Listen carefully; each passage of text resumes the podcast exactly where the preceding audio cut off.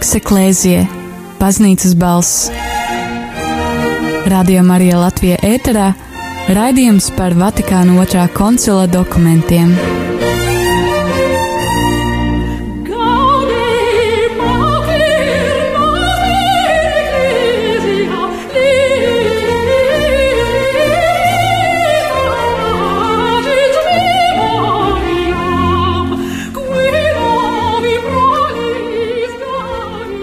Gaude Matere Klēzija, priecājies Māte Baznīca, 17 un 2 minūtes, pirmdiena 30. janvāris, un varam šodien priecāties, priecāties kopā ar semināristiem, kuri šodien svin svētā Akvīnas Tomas svētkus, un ar kuriem mēs varējām kopā svinēt šos svētkus šeit Radio Marija Latvija ēterā, un varam priecāties kopā ar Māti Baznīcu arī par uh, to ceļu, ko tā ir uzsākusi iet, un uh, par uh, arī šo raidījumu, kuru mēs varam translēt šeit rādījumā arī ēterā, kas saucās Voks Eklēzija vai arī Baznīcas balss un raidījums, kurā apskatām Vatikāna otrā koncila dokumentus, kurus latviešu valodā a, mums pirmo reizi prezentēja 10. decembrī a, Rīgas katedrālē bīskapi un teologi un arī a, cilvēki, kas šos dokumentus tad ir tulkojuši un rūpējušies par to, lai tie būtu pieejami arī mums saprotamā valodā. Ar tevi ēterā esmu es, priesteris Pēteris Skudri, un uh, mums ir arī jau tāds, uh, var teikt, ierasts ciemiņš, mūsu viens no brīvprātīgajiem, priesteris Pauls Kļaviņš. Slavēts Jēzus Kristus. Mūžīgi mūžam. Prieks jūs šeit redzēt, kārtējo reizi jūs neatsakat mums un uh, esat kopā ar mums šeit Radio Marija, lai uh, kopīgiem spēkiem tad arī palīdzētu saprast uh, dažādus jautājumus, kas skar baznīcu, kas skar mūsu ticību, un pirms divām nedēļām mēs esam uzsākuši šo jauno raidījumu, Voks Eklēzija, kas skan tajās nedēļās, kad vairs nav raidījums Dūkina Altum, un šajā raidījumā tad mēs runājam par Vatikāna otrā koncila dokumentiem. Pirms divām nedēļām priestris Edgars Sakuls mums palīdzēja um, vispār saprast kontekstu, kādā ir noticis Vatikāna otrais koncils, kāpēc tas ir noticis un eh, kas būtu jāņem vērā lasot šī koncila dokumentus. Tad, nu, Pēc šāda vispārēja ievada, kuru, tad arī, par kuru mēs arī pateicamies priestrim Edgaram, tad šodien varētu sākt jau runāt par konkrētiem dokumentiem. Un kā viens no pirmajiem dokumentiem, vismaz pats pirmais dokuments, kas tika apstiprināts šajā koncilā, bija konstitūcija par liturģiju. Un no, dokumenta nosaukums ir Sakros Sanctum Concilium, vai arī burtiski tulkojot Svētais koncils, un šī konstitūcija tika izdota parakstīta 1963. gada 4. decembrī, kas nozīmē, ka vēl koncila laikā šis dokuments jau bija izdots, koncils vēl nebija paspējis beigties. Tad man ir jautājums, varbūt, priesteri Pauli, kā vispār notiek koncilos dokumentu pieņemšana? Tas nav tāds uh, regulārs pasākums, tad uh, vai tā vienmēr ir vienāda kārtība, vai katrs koncils nosaka savu kārtību, kā, kā, tad, kā tad šie koncili nonāk līdz dokumentiem? Nu, kad koncili tiek izsludināti, tad arī jau iepriekš tiek sagatavoti dokumenti, kā projekti, vai arī izvirzīti jautājumi, uh, kurus tad arī bīskapi jau, jau iepriekš var apdomāt gaidāmajai apspriedēji koncilā. Tā kā nu, vēsturē ir dažādi bijis, jo nu, pārsvarā koncilus sasauca laikā, kad bija patiešām nu, dažkārt ļoti nopietni jautājumi jāizskata Mm, bet šī gadījumā, kas attiecas uz Vatikānu otro koncilu, tad eh, daudzus pārsteidza šī koncila sasaukšana, jo likās, ka viss ir kārtībā. Līdz ar to iepriekš nu, Romas kūrija bija gatavojusi veselu virkni Eh, sagatavas dokumentu, bet, nu, kā mēs zinām, tad eh, koncila gaitā lielākā daļa no tiem eh, tika pamatīgi pārstrādāti. Tā kā sākumā ir dokuments, tas tiek stādīts priekšā, nu un tad arī skatās, kā tur ir ar to dokumenta pieņemšanu un izskatīšanu, un tad, ja to gadi, gadījumā nepieņem, tad tas iet komisijās un tiek pārstrādāts.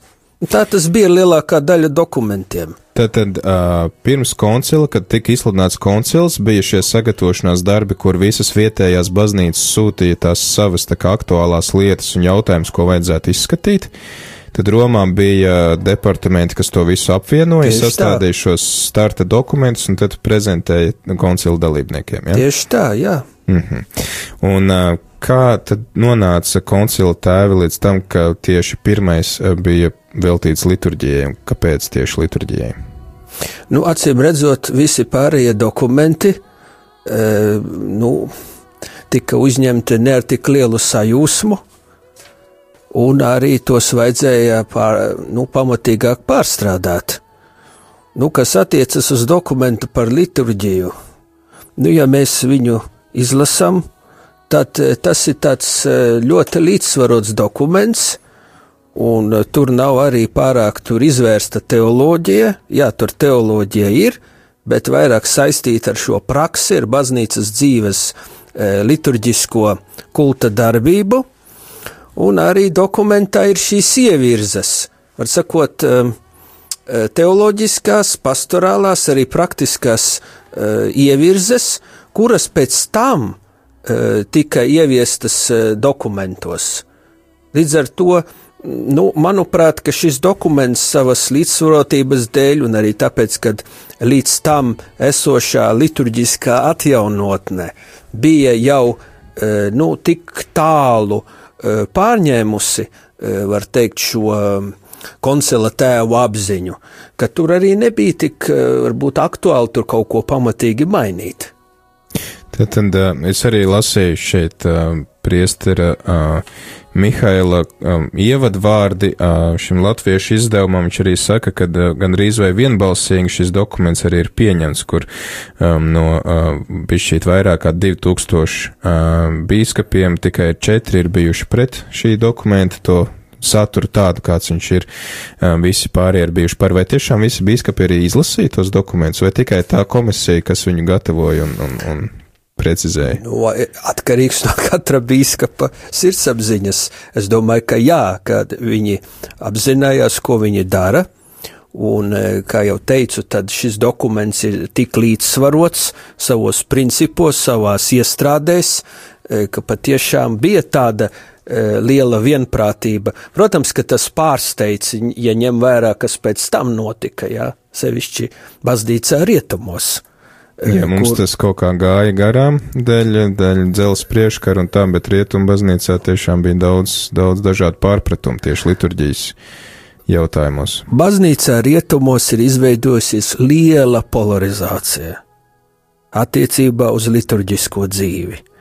Un mēs esam pasargāti, paldies Dievam, no šīs polarizācijas, tāpēc, ka arī pateicoties tā laika apstākļiem, liturģiskās reformas varēja iet ļoti pakāpeniski pie mums, un nekas netika sasteigts, sevišķi varbūt tādos liturģiskos, varbūt jauninājumos, bet arī tādās teoloģiskajās nostādnēs, un tas viss notika daudz pakāpeniskāk un lēnāk.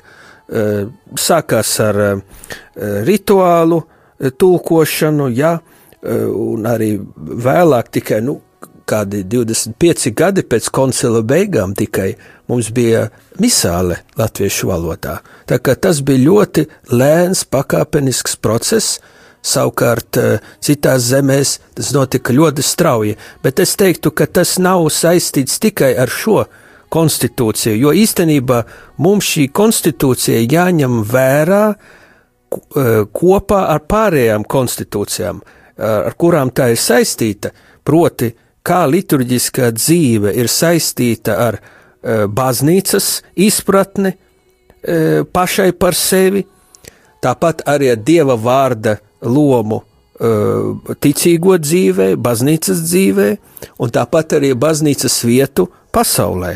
Ja, tie tās pārējās konstitūcijas par šīm tēmām runā. Tā kā principā uh, mums ir jāņem kopskatā šīs konstitūcijas, nu, teikt, ietekme uz baznīcas dzīvi. Neņemt viņu izolēti no, no pārējiem dokumentiem. Tas, manuprāt, būtu svarīgi, ja lasa, par, ja lasa šo dokumentu. Mhm.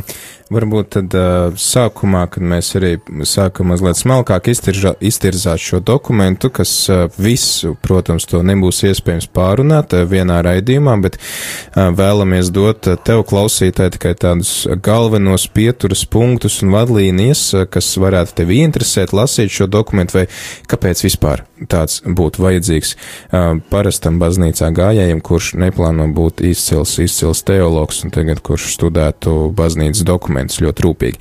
Tā, ja gadījumā tev ir kādi jautājumi par liturģiju, un uh, tev ir kādas neskaidrības, varbūt kāds komentārs, tad tu vari droši zvanīt uz tālruņa numuru 679691 131. Mēs ar priesteri Paulu arī labprāt mēģināsim tev atbildēt uz šiem jautājumiem vai uh, kādiem komentāriem. Tu vari rakstīt īziņas uz numuru 266 77 272, un tāpat arī interneta vidē uh, visi, kuri jūtās ērtāk uh, internetā, var rakstīt mums ēpastu studijāt rml.lv vai arī sazināties ar mums Facebookā vai Twitterī atrod Radio Marija Latvija lapu šajās, šajos portālos un raksti vēstuli tur. Bet tad varbūt, uh, Priesar Paul, ko, kas ir vispār liturģija un ko mēs saprotam ar šo vārdu? Un uh, kāpēc tā ir tik būtiska arī tieši koncilam izskatīt šo jautājumu? Liturģija ir dieva darbība un baznīcas darbība. Un varētu teikt, ka liturģijā mēs, vai katrs ticīgais, vispraktiskāk savā draudzē saskarās ar dieva noslēpumiem. Tāpēc arī e, liturģiskā dzīve ir tik aktuāla, tāpēc arī svarīgi, kad e, nu, mēs iepazīstamies ar šo dokumentu. Jo, lūk, liturģija tas ir publiskais e, kalpošanas veids, varētu teikt arī publiskā lūkšana, publiskā dieva pagodināšana, kurā uh, galvenā darbības veicēja ir uh, baznīca uh, kā Kristus līgava. Tad, principā, tas ir dieva darbs, vai kā arī konstitūcijā tur vienā vietā teikts, tas ir dievišķs kults. Tātad tas nozīmē, ka mēs iesaistamies kā ticīgie, lūk, paša dieva darbā, Nu, respektīvi, Jēzus Kristus augstā priestera kalpošanā un visā tajā, kā Dievs vēlas tātad mūs um, uh, iesaistīt savā dzīvē, jā, tātad, lai mēs gan pagodinātu Dievu, tas ir viens mērķis, gan arī būtu svētdarīti, jā. Tas ir otrs mērķis. Tātad aizvien šī tiekšanās uz dievišķo, ja, uz sakrālo, un arī uz eh, to, kas mūs iesaista tātad šajos eh, nu, noslēpumos, kuri, protams, saistīti ar ticību, jā, ar mūsu konkrēto dzīvi, bet e, liturģijā, lūk, mēs iesaistamies, vai pareizāk varbūt būtu teikt, ka mēs ļaujam Dievam sevi iesaistīt šajā e, baznīcas kalpošanā. Un tāpēc tas ir tik svarīgi, ka mēs, nu, E, kā dokuments arī saka, saprastu šo liturģijas nozīmi, un e, katrs ne tikai garīdznieks, bet katrs ticīgais saprastu, nu, kādas tās liturģiskās zīmes, simboli, žesti, un arī tā, tā visa tas pārējais, kas notiek dievkalpojuma laikā, e, vai arī sakramentu pieņemšanas laikā, jo sakramentā arī pieder pie liturģijas, tāpat kā stundu liturģija, kurai veltīta atsevišķa nodaļa, kā tā saistās ar mūsu ikdienas dzīves veltīšanu dievam. Kad mēs veltam dievam, tad, tad visu savu dzīvi, visu savu ikdienu un ikdienas kulminācija ir e, dievišķā liturģija, evaharistijas svinēšana. Tātad, principā, mūsu diena tātad tiek svētdarīta, vai mūsu ikdiena tiek svētdarīta, kad mēs tātad eh, no rīta lūdzamies, mēs saucam laudes, jā, eh, pēc tam ir šī kulminācija Euharistija, jā, svētā mise, un tad mums ir vakara lūkšana, pēc tam nakts lūkšana, ir sakot, visa, visa mūsu ikdiena, nu tā kā ir iesaistīta šajā Dieva pagodināšanā. Un reizē mēs gūs, piedzīvojam saņemam šo svētdarīšanu caur žēlastībām. Tā kā, lūk, liturģija tā ļoti praktiska savā ziņā, tāpēc arī šis dokuments savā ziņā ir praktisks.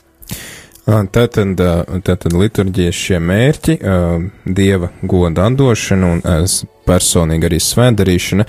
Ja, piemēram, es viens pats mājās lasu laudes vai vesperes šo brevijāru grāmatiņu, arī tā skaitās liturģija? Jā, es, es, es kā ticīgais cilvēks iesaistos šajā uh, Eh, baznīcas lūkšanā, kas ir tātad, nu, konkrēti, konkrētai dienai, konkrētam laikam. Protams, tas ir atkarīgs arī no personas, jā, jo ir personas, kuram tas ir, nu, kā obligāts, tas ir saistīts ar, ar, ar dzīves aicinājumu, jā, bet jebkurš ticīgais, protams, arī ir aicināts iesaistīties šajā liturģiskā dzīvē, tāpēc arī stundu liturģija, piemēram, Eh, ir atvērta arī laju eh, iespējām, jā, kā lai arī eh, varētu lūgties šo lūgšanu. Tā kā, lūk, tātad šī, nu, liturģija tā ir, principā, tā ir publiskā lūkšana. Mēs izmantojam šos publiskos tekstus, tāpat ir arī citi, protams, publiskie dievkalpumi. Te mēs saskaramies ar vēl vienu citu jautājumu, kas ir ļoti plašs. Tā ir tautas dievbības uh, E, izpausme, jā, tautas dievības veidi, kuri saglabājušies mūsu draudzēs, jā. Tātad, lūk, tas arī ir, var teikt, nu šis publiskās lūkšanas veids. Bet kas tad lūkšanu padara liturģisku? Es saprotu, liturģija par liturģiju runā, kad runā par svēto misi. Nu, tas visiem ir skaidrs, ir kaut kādi uh, noteikumi, kad celties, kad sēdēt, kad ko teikt, kad kas notiek, ir kaut kāda zinām kārtība, visa kopā draudze sanāk, lai kopā pagodinātu Dievu un arī reizē saņemtu šo stiprinājumu ceļā uz svētumu. Um, vēl var saprast par sakramentiem, kristība, laulība, visi šie sakramenti arī svētās mīsas laikā vai ārpus svētās mīsas arī ir saistīta ar kaut kādiem um, nu, noteiktu kārtību, kā tur piedalīties, un tā ir liturģija. Stundu liturģija atkal ir noteikta kārtība, teksti, um, bet tad uh, pārējās lūkšanas rožu kronis, kur arī kā ir noteikta kārtība, uh, noteikti teksti, bet to vairs nesauc par liturģisku lūkšanu. Tad kas, kas ir liturģiska lūkšana, kas nav liturģiska lūkšana? Nu, liturģija principā ir saistīta ar e, tātad dievišķā kulta darbību. Un tātad ar evaharistiju, ar sakramentiem un arī ar baznīcas aprobētiem tekstiem. Patiešām ir tātad šie dievbijas veidi, nu, piemēram, rožu kronis, jā, kurš arī ir aprobēts, protams. Un e, Tas arī mums notiek nu, publisko dievkalpojumu laikā. Tāpēc arī to var saistīt ar liturģiju, bet sevišķi adorācijas laikā, ja? visvētākā sakramenta pielūgšanas laikā. Ja?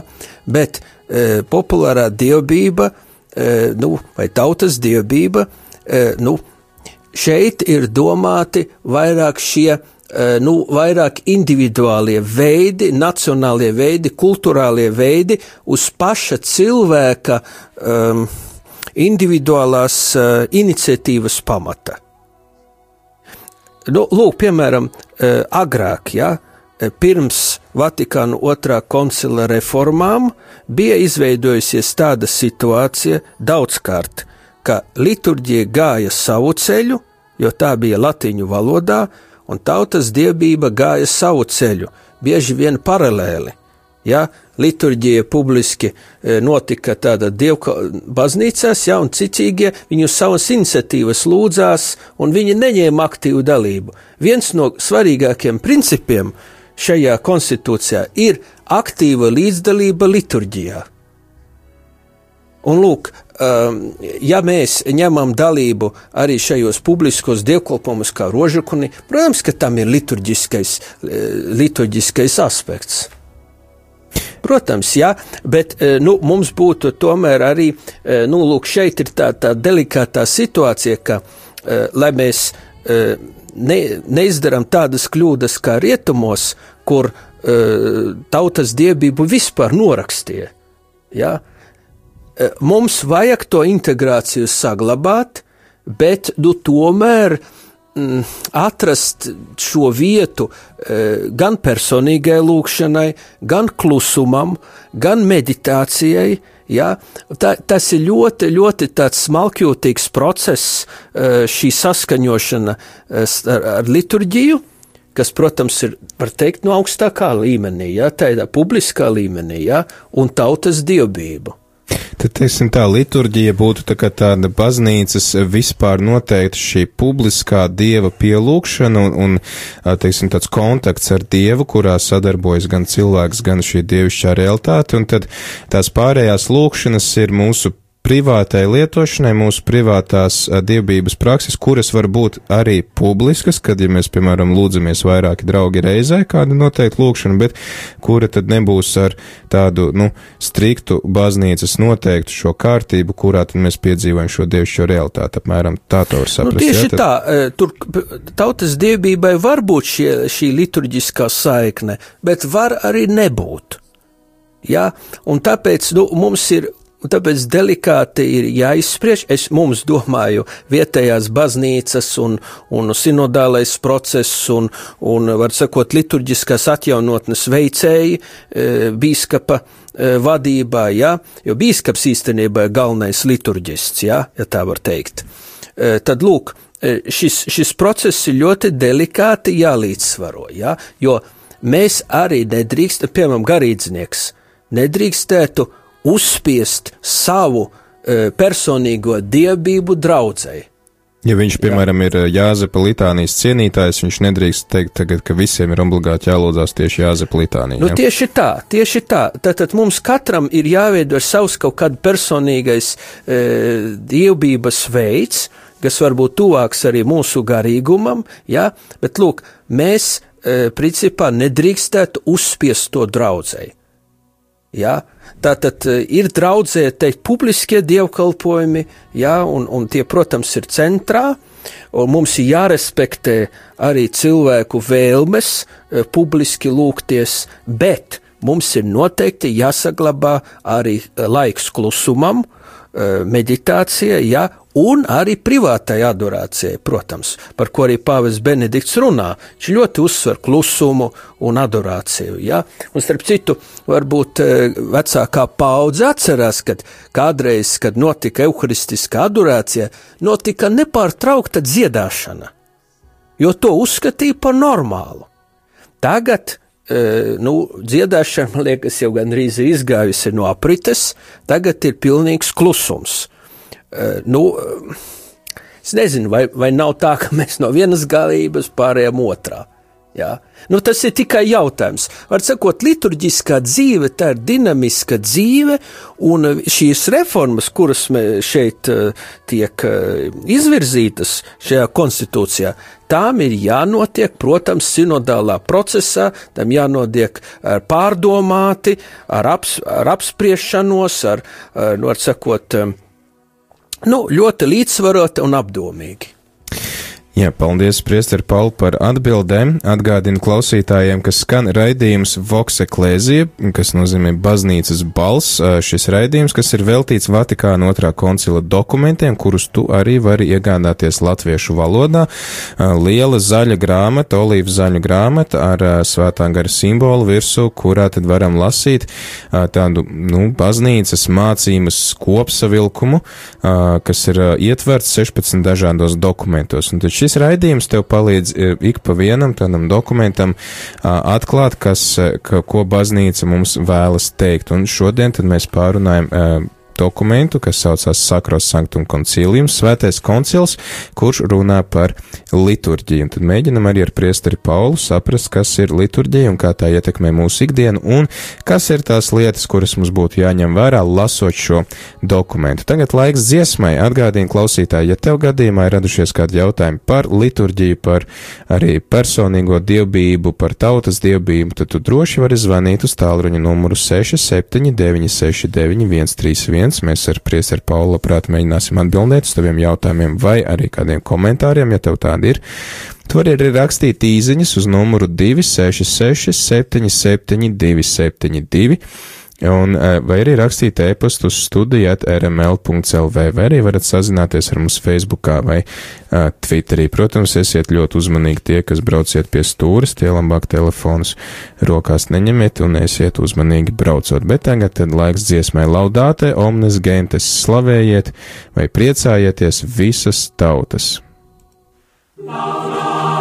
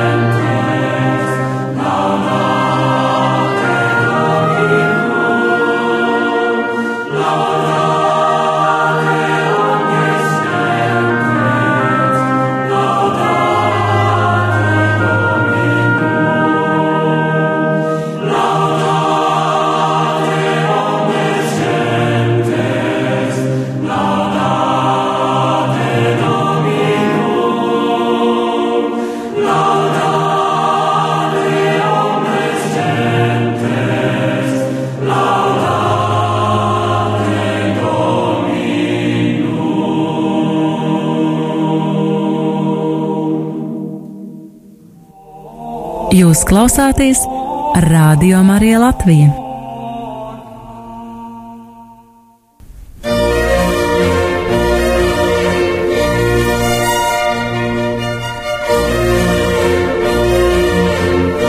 Vokse Klēzie, baznīcas balss. Radio Marija Latvija ēterā raidījums par Vatikāna otrā koncila dokumentiem.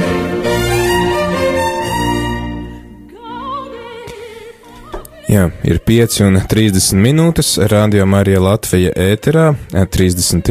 janvārī pirmdienā raidījums Voks Eklēzija baznīcas balss par ba Vatikāna otrā koncila dokumentiem. Ar tevi ēterā esmu es, priesteris Pēteris Skudru, un ar mani kopā ir arī priesteris Pauls Kļaviņš, ar kuru kopā tad mēs runājam par pirmo oficiāli izdoto un uh, visu bīskapu, gandrīz visu bīskapu parakstīto uh, konstitūciju, uh, sakros sanktum koncīlijum vai svētais koncils, kurš tad runā arī par liturģiju, un uh, tad cenšamies arī saprast, kā lasīt šo dokumentu un vai vispār kāpēc mums tas būtu jālasa. Un atgādinu klausītāji, ka arī šis ir tas brīdis, kad tu vari uzdot savus jautājumus, savus komentārus, zvani uz tālruņa numuru 67969131 vai arī raksti īziņas uz numuru 266 772 72.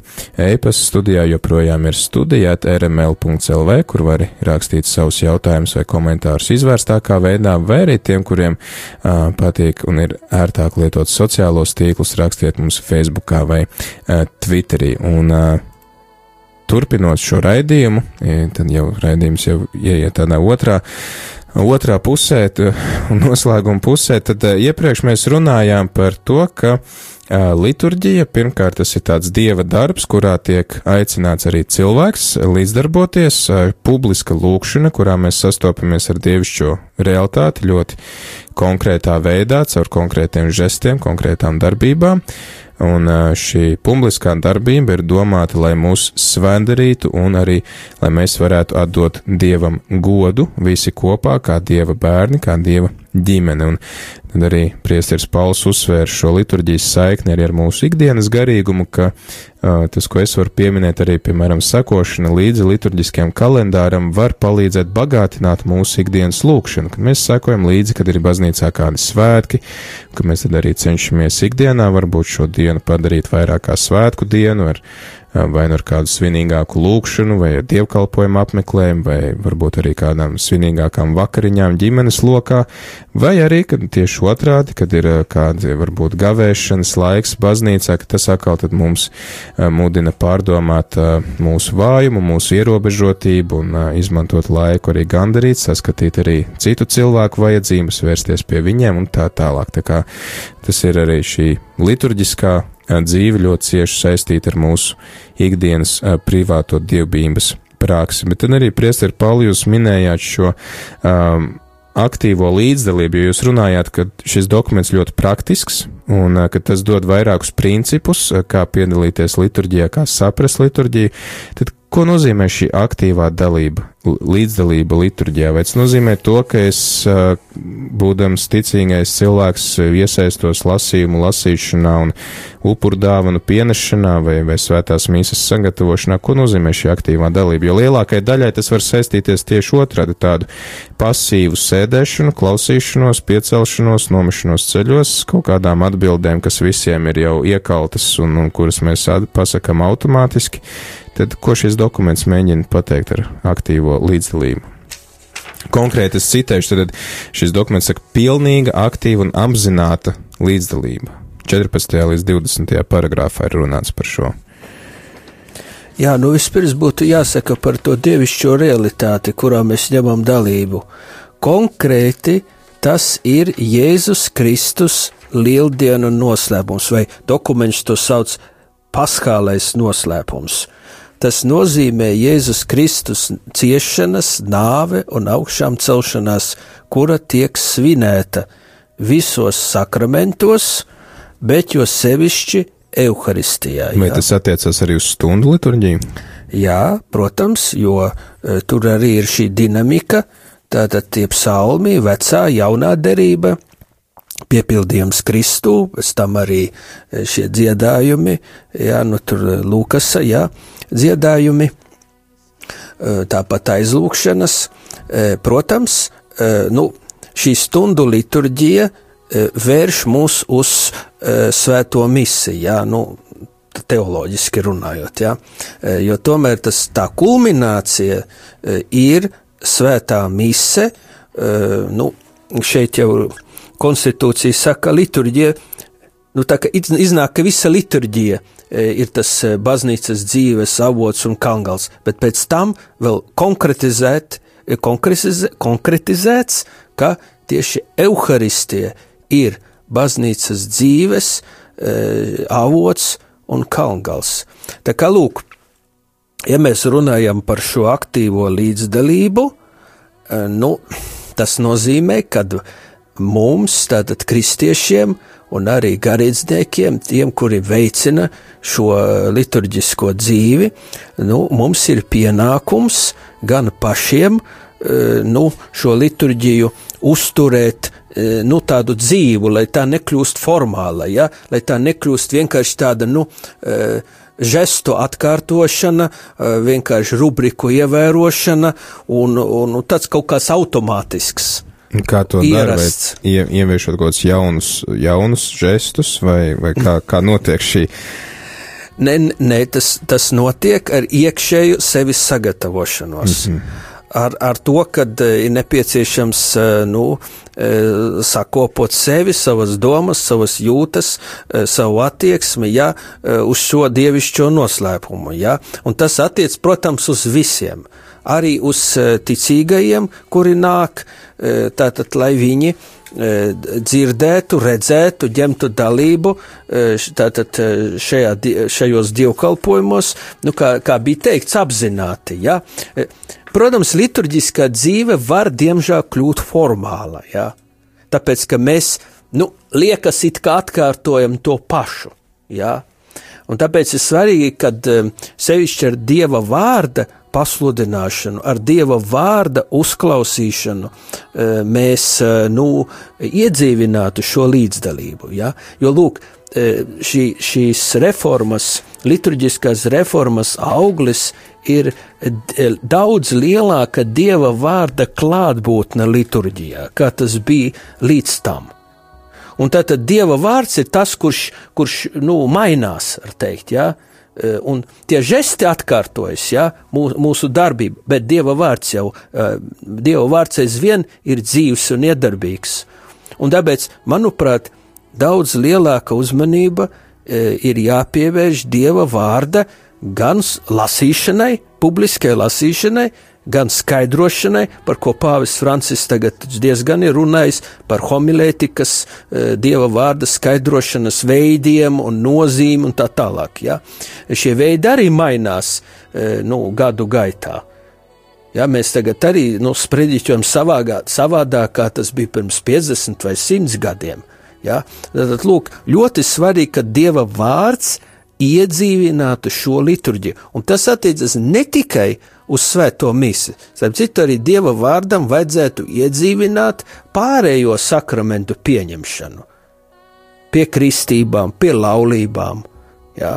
Tad, tad eh, to visu piedāvā šie rituāli. Tā kā ļoti svarīgi, ka mēs arī to izmantotu, jā, eh, un lai tas nekļūtu formāls. Tā ir, tā, tie ir lieli draudi, kad arī ticīgie var redzēt, ka nu, tas notiek viss ļoti ātri, sasteigti, formāli, eh, varbūt kaut kur jāsteidzās, un nu, tas viss samazina, samazina šo eh, nu, arī sakruma, šo sakrāluma uh, uztveri, nu, arī savā ziņā nu, cilvēki redz, ka kaut kas nav kārtībā. Jā. Tātad nu, šeit visu laiku priesterim, eh, jebkuram, eh, tātad, eh, kas veic liturģiju, nu, vajag sevī tātad uzturēt to, ko sauc liturģiskais garīgums.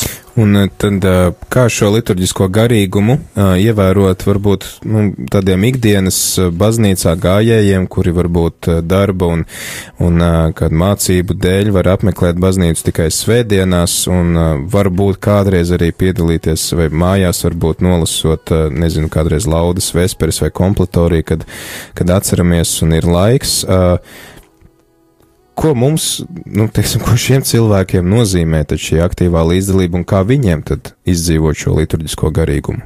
Jo viens ir tā priestera paraugs un priestera, teiksim, šī aktīvā dzīvošana līdzi tam, ko viņš dara pie altāra, lai tās nekļūst par mehāniskām kustībām. Tad kā to izdzīvot ticīgajiem, kas nāk uz baznīcu un kuri nav garīdznieki? Nu, garīdznieka pienākums būtu to veicināt, jā. Tas nozīmē, ka e, nu, priesteris varētu runāt arī savā homīlijā, dieva vārda skaidrošanā par kaut kādiem atsevišķiem e, svētās misas elementiem e, un arī nu, palīdzēt cilvēkiem uzturēt šo līdzdalību. Piemēram, pāvesta Benedikta 16. dokuments Sacramentum Caritatis, ja nemaldos, Tātad tas bija pēc sinodas par evaharistiju. Runā arī par šiem dažādiem elementiem liturģijā, un viņš skaidro ļoti padziļināti. Ja, ko nozīmē arī šie, šīs atsevišķās misas daļas, gan dieva vārda galds, gan euhristies galds, bet arī tie citi, nu, citi tie, tie aspekti liturģijā.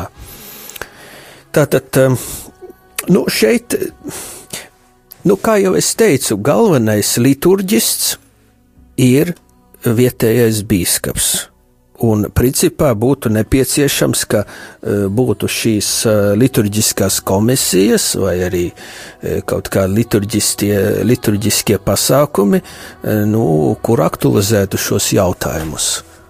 Jā, un tā tad nu, vienkārši par tiem, par tiem būtu jārunā, jādomā nu, un, un jāveicina nu, arī mm, nu, tāda saskaņotība saskaņotība. To starp citu pie mums ļoti izjūt, jo vienā diecēzē dara šitā, otrā draudzē, dažreiz pat starp draudzēm, un kad sapulcējās kādās rekolekcijās cilvēki no dažādām draudzēm, tad, tad viens uz, piemēram, dieva jērs stāv kājās, otrs metās ceļos, trešais vēl kaut ko dara, un ceturtais lamā visus pārējos, ka viņi rīkojas nepareizi.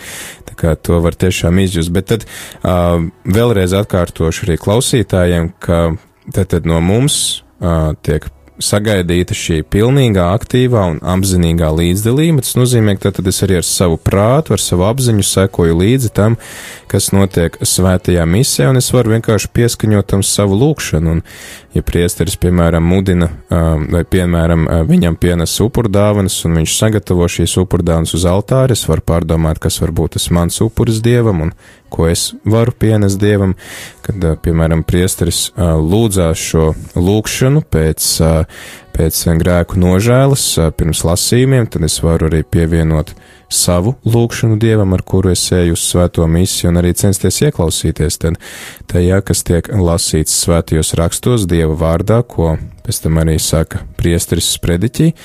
Uh, kur es arī atceros, laikam tas bija svētais hieronīms, kas kādreiz teica, ar kādu cieņu un bijību mēs izturamies pret katru gabaliņu komunijas, kas ir nokritis zemē, bet cik bieži mēs ļaujam Dieva vārdam atsisties pret baznīcas grīdu, ka tas ir pagājis garām mūsu ausīm un nav iekritis mūsu sirdīs. Tā kā redzam, tā jau ir tāda problēma jau kopš 6. gadsimta, varbūt pat vēl ilgāk, bet, nu, kuru mēs arī esam aicināti tad pārvarēt. Ir laiks vēl vienai dziesmai, tā kā liturģija ir dieva darbs un reiz arī cilvēka darbs, kurā viņš andon godu dievam, un atskaņosim semināristu dziesmu dievam kalpošana, kuras, starp citu, ir tā puse arī zināmā. Arī es jau vienā katehēzē minēju to stāstu, ka uh, iedvesmas avots šai dziesmai ir priesteris Pauls, kurš ieteica, balstoties šiem vārdiem, uh, sagatavot dziesmu. Un te nu arī tad dziesma dievam kalpošana, kur mēs kalpojam dievam gan savā ikdienā, veicot savus ikdienas pienākumus, gan arī uh, liturģijā visiem kopā veicot šos kopīgās darbības un sakot kopīgos vārdus. Nu, Andrei Iglīša vārdi.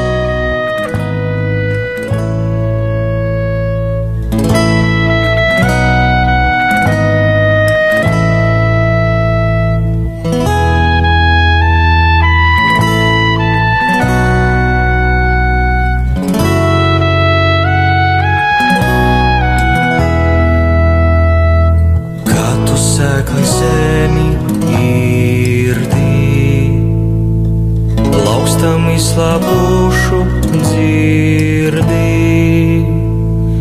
Tā tu dievam kalpo, tā tu dievam kalpo. Kad tu atsien zāru laustu, veco ceļa zīmī spraustu.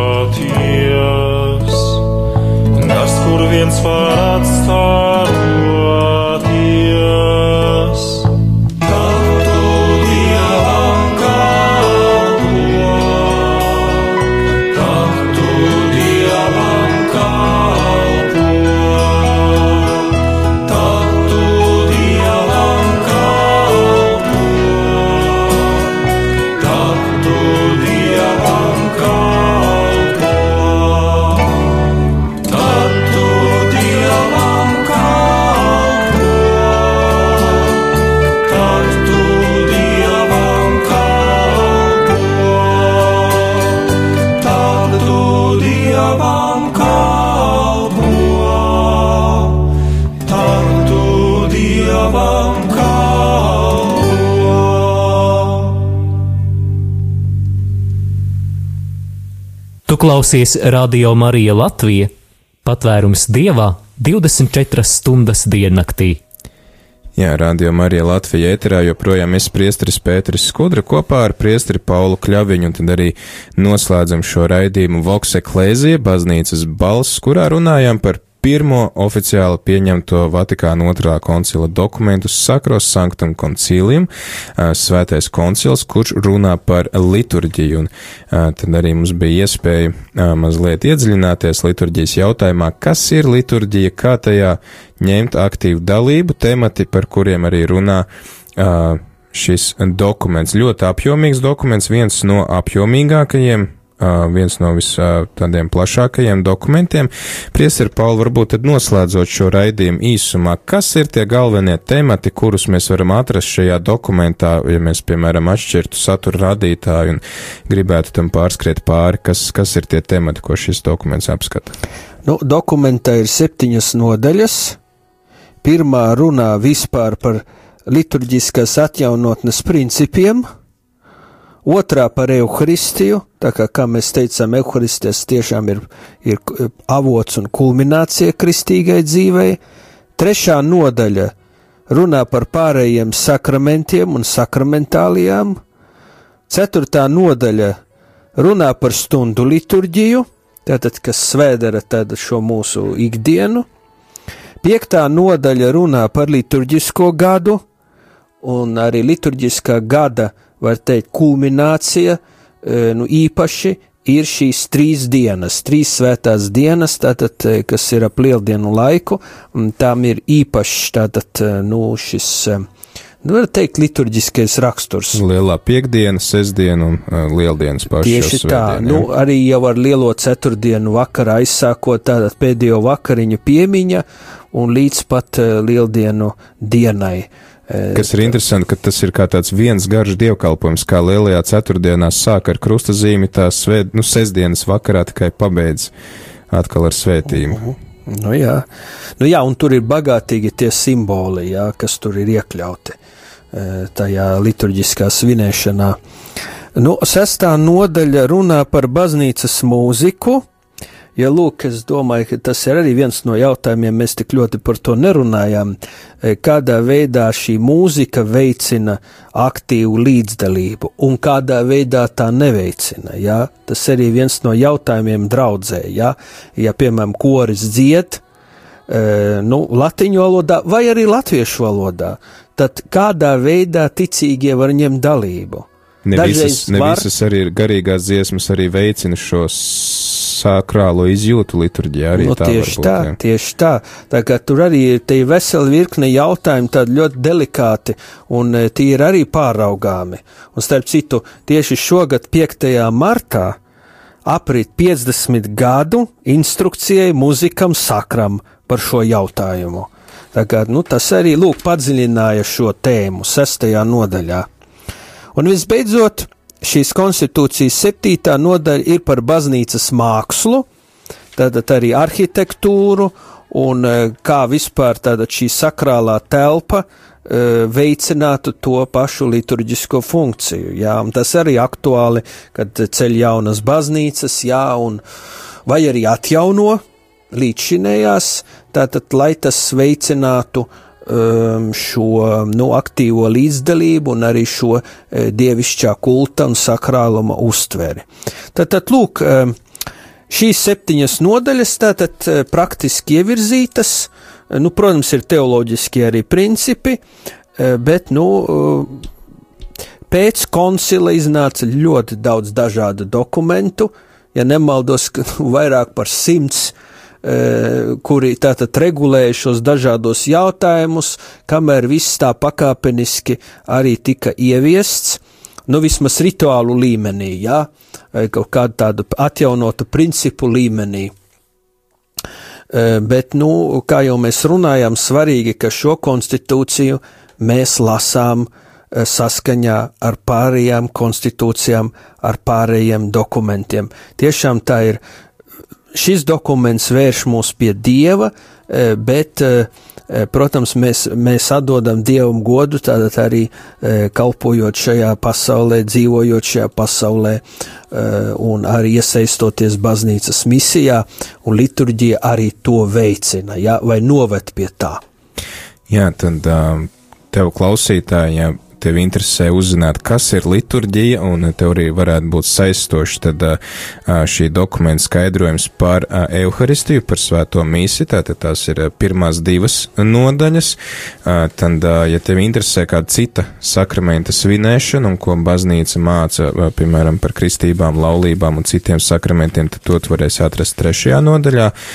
Ja tevi interesē stundu liturģija, un tas, ko arī lūdzamies šeit radio Marija gan no rīta, vakarā un arī pirms gulētiešanas, laudas vēsperes kompletorijas, to tu varēsi atrast ceturtā no, nodaļā. Piektajā nodaļā tad tu varēsi atrast sīkāku informāciju par liturģisko gadu un kā arī tam sekot līdzi un kā varbūt arī pieskaņot savu personīgo dievbijību, tam. Ja gadījumā tu esi ērģelnieks draudzē vai atbildīgs par mūziku vai dziedi draudzes korī, tad tev droši vien interesēs sastā nodaļa, kas runā par sakrālo mūziku un to, kāda mūzika var tikt spēlēta liturģijā un kādu labāk nespēlēt. Un visbeidzot, tad tiem, kuri ir atbildīgi par draudžu iekārtošanu un vizuālo noformējumu, tad jums būs interesants septītais, septītā nodaļa, šis sakrālās mākslas un liturģisko piedarumu jautājums. Um, paldies, Priester Pauli, ka neatsakat savu līdzdalību un arī labprāt nākat pie mums ciemos un palīdzat iedziļināties arī šajos koncilu dokumentos. Jūs arī pats bijāt aktīvi iesaistīts šo dokumentu tulkošanā, cik man zināms. Nu, ne tik ļoti pašā tulkošanā, vismaz pēdējā etapā, bet uh, tieši ievadu rakstīšanā. Tad arī jūsu ievadus lasot, var gūt jau tādu vispārēju ieskatu un tādas vadlīnijas par to, kā lasīt šos dokumentus un kā tie ietekmē mūsu dzīvi. Paldies arī tev, klausītāji, par uh, sekošanu līdzi. Redzam, arī internetā ir uh, pietiekami daudz klausītāju, kas mūs dzird, tāpat droši vien arī ar saviem radio uztvērējiem mums ir pieteikuši pie, pieslēgušies vairāki cilvēki, kurus mēs nevaram piefiksēt. Tad atgādinu, pa, pavisam drīz pulkstens sešos turpinam ar svētās mīsas translāciju no Rīgas svētā Franciska baznīcas, bet tagad tad turpinam ar dziesmu, lai mazliet atpūtinātu ausis pirms svētās mīsas un sagatavosimies svētajai misē ar dziesmu Nāc svētais gars Roberta Anģāna izpildījumā.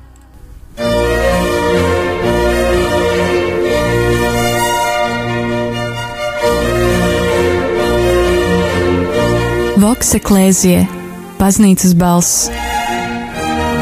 Radio Marija Latvija ēterā raidījums par Vatikāna otrā koncila dokumentiem.